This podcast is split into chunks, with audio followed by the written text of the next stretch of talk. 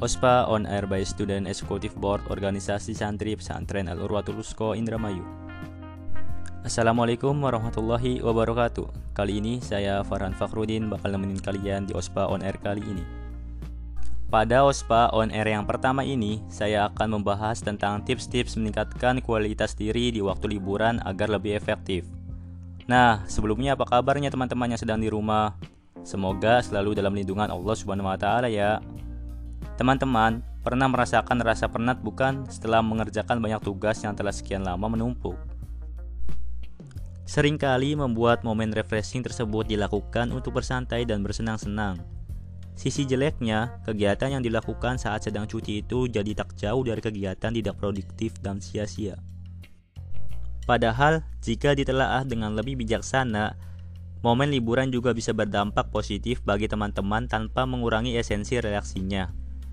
Dengan kata lain, teman-teman harusnya bisa mengisi waktu senggang tersebut dengan kegiatan yang berguna, sehingga dapat meningkatkan kualitas diri sebagai seorang individu. Nah, agar liburan teman-teman bermanfaat dan juga sekaligus bisa menjadi momen peningkatan kualitas diri, cobalah lakukan beberapa tips berikut, seperti dikutip dari cermati.com.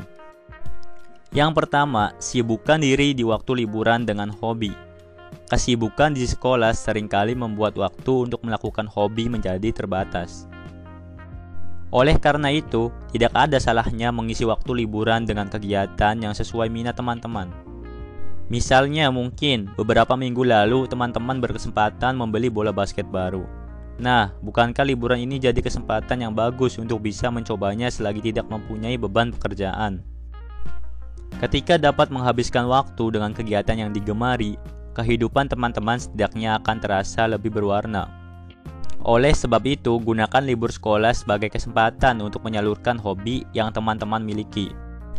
Sehingga teman-teman akan merasa refresh lagi setelah hari demi hari dalam sepekan sibuk dengan rutinitas. Yang kedua, hindari berlama-lama menggunakan gadget.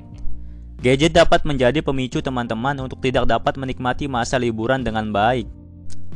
Perhatian yang terfokus pada layar gawai akan membuat teman-teman melewatkan keindahan destinasi wisata yang dikunjungi. Agar quality time bisa terasa lebih nikmat, hindari penggunaan gadget secara berlebihan.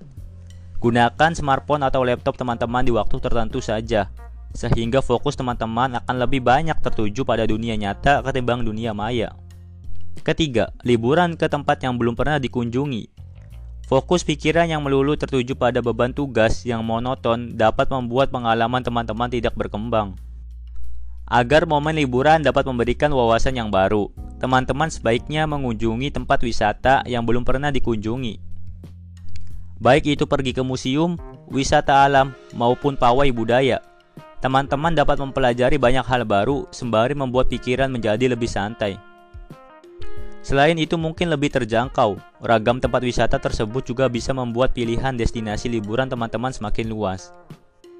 Dengan begitu, teman-teman menjadi tidak mudah bosan dengan atraksi hiburan yang itu-itu saja. Nah, yang terakhir yaitu membuat perencanaan untuk masa mendatang. Membuat rencana mengenai kehidupan di masa depan tentunya dapat teman-teman lakukan tanpa harus merusak waktu liburan. Semasa libur, teman-teman pasti memiliki waktu senggang di sela kegiatan berwisata. Gunakanlah waktu tersebut untuk memikirkan laju kehidupan maupun sesuatu yang akan teman-teman lakukan nantinya. Setelah melakukan refleksi diri, teman-teman pasti akan memperoleh pemahaman baru dari pengalaman yang pernah dialami. Jadikan hal tersebut sebagai rencana dalam menata kehidupan yang lebih tertata di kemudian hari. Kerja otak yang lebih rileks karena sedang berlibur mungkin akan menjadi momen yang pas untuk melakukan hal ini. Jadi, merencanakan langkah selanjutnya meski sedang bersantai juga dapat memberi dampak yang besar pada kehidupan teman-teman nantinya. Nah, itu teman-teman tips-tips yang insya Allah bakal menjadi liburan teman-teman lebih efektif lagi dari sebelumnya. Oke teman-teman, mungkin sampai di sini dulu podcast pertama kita. Jika banyak kesalahan, tolong dimaafkan. Tunggu terus kelanjutannya, stay tune. Kurang lebihnya mohon maaf. Assalamualaikum warahmatullahi wabarakatuh.